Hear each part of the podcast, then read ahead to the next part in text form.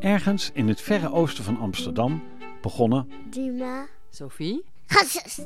en ikzelf in 2010 in B zonder B. In bed zonder breakfast. We zetten de grootste en de mooiste kamer van ons huis op internet, zodat bezoekers van de stad bij ons konden logeren. Over de wonderlijke reizen die we vervolgens in ons eigen huis maakten, schreef ik, Pieter Bas van Wiegen, meer dan 30 stukjes in het parool. Veel mensen wilden die verhalen nog een keer horen. Vandaar is er nu voor iedereen op reis en voor iedereen die thuis op de bank zit, de B zonder B podcast.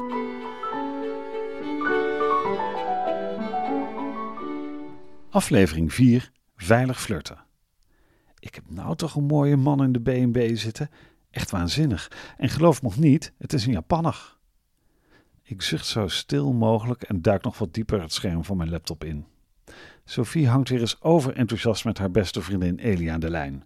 Ze zijn allebei moeder, hebben al tien jaar een vaste relatie, maar tegen elkaar doen ze nog altijd alsof ze 23 beschikbaar en op zoek zijn. Normaal maak ik me niet zo'n zorgen over dit wat vreemde pubergedrag van mijn vriendin. Maar nu het iemand in onze B zonder B betreft, komt het wel erg dichtbij.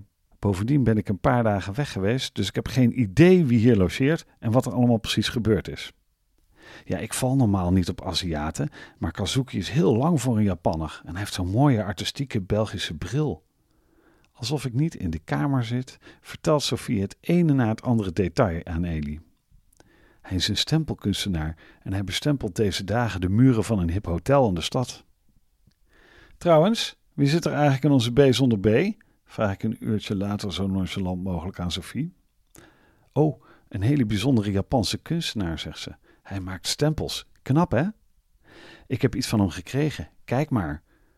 Mijn vriendin geeft me glunderend twee kleine stempels. Op de ene staat een dennenappel, maar de afbeelding op de ander is me een beetje te vaag. Wat is het? vraag ik. Dit is een plastic waterfles, zegt Sophie, alsof het de Mondriaan betreft. Hij heeft ook hele mooie stempels gemaakt van een prei, een schoonspringer en een minuscuul klein bloemetje, gaat Sophie door. Misschien moeten we hem vragen om onze muren ook te bestempelen. Ik probeer me even voor te stellen hoe dat zou zijn. Muren vol afbeeldingen van plastic flessen. Maar echt warm word ik er niet van. Kazuki laat zich inspireren door zijn omgeving. Misschien maakt hij nu ook wel een stempel van mij, droomt de moeder van mijn kind met wazige blik.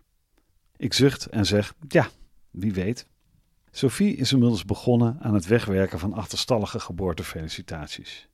Niet alleen wij zijn de afgelopen jaren ouder geworden, om ons heen heeft zich een ware geboortetsunami voltrokken. We lopen maanden en om eerlijk te zijn eigenlijk jaren achter. Echt attent zijn we niet, dus Sophie heeft nu bedacht dat iedereen alsnog een kaartje krijgt. En elk kaartje dat af is, krijgt ijverig een mooie Japanse stempel. Dan hoor ik de sleutel in het slot. De deur gaat open en er komt een boomlange Japanner met een trendy sikje binnen. Tot mijn verbazing is hij niet alleen.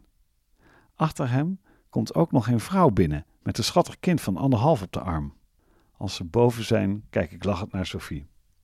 Dit is inderdaad een mooie jongen. Maar heb je zijn vrouw al eens bekeken? Wat een beeldschone Aziatische prinses.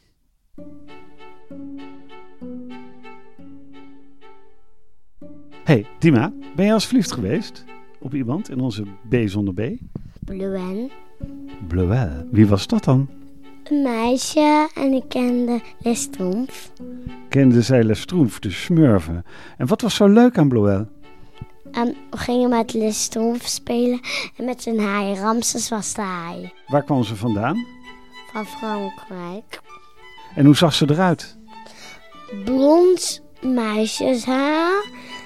En heb een mooie jas, een mooie t-shirt en een mooie Playmobil.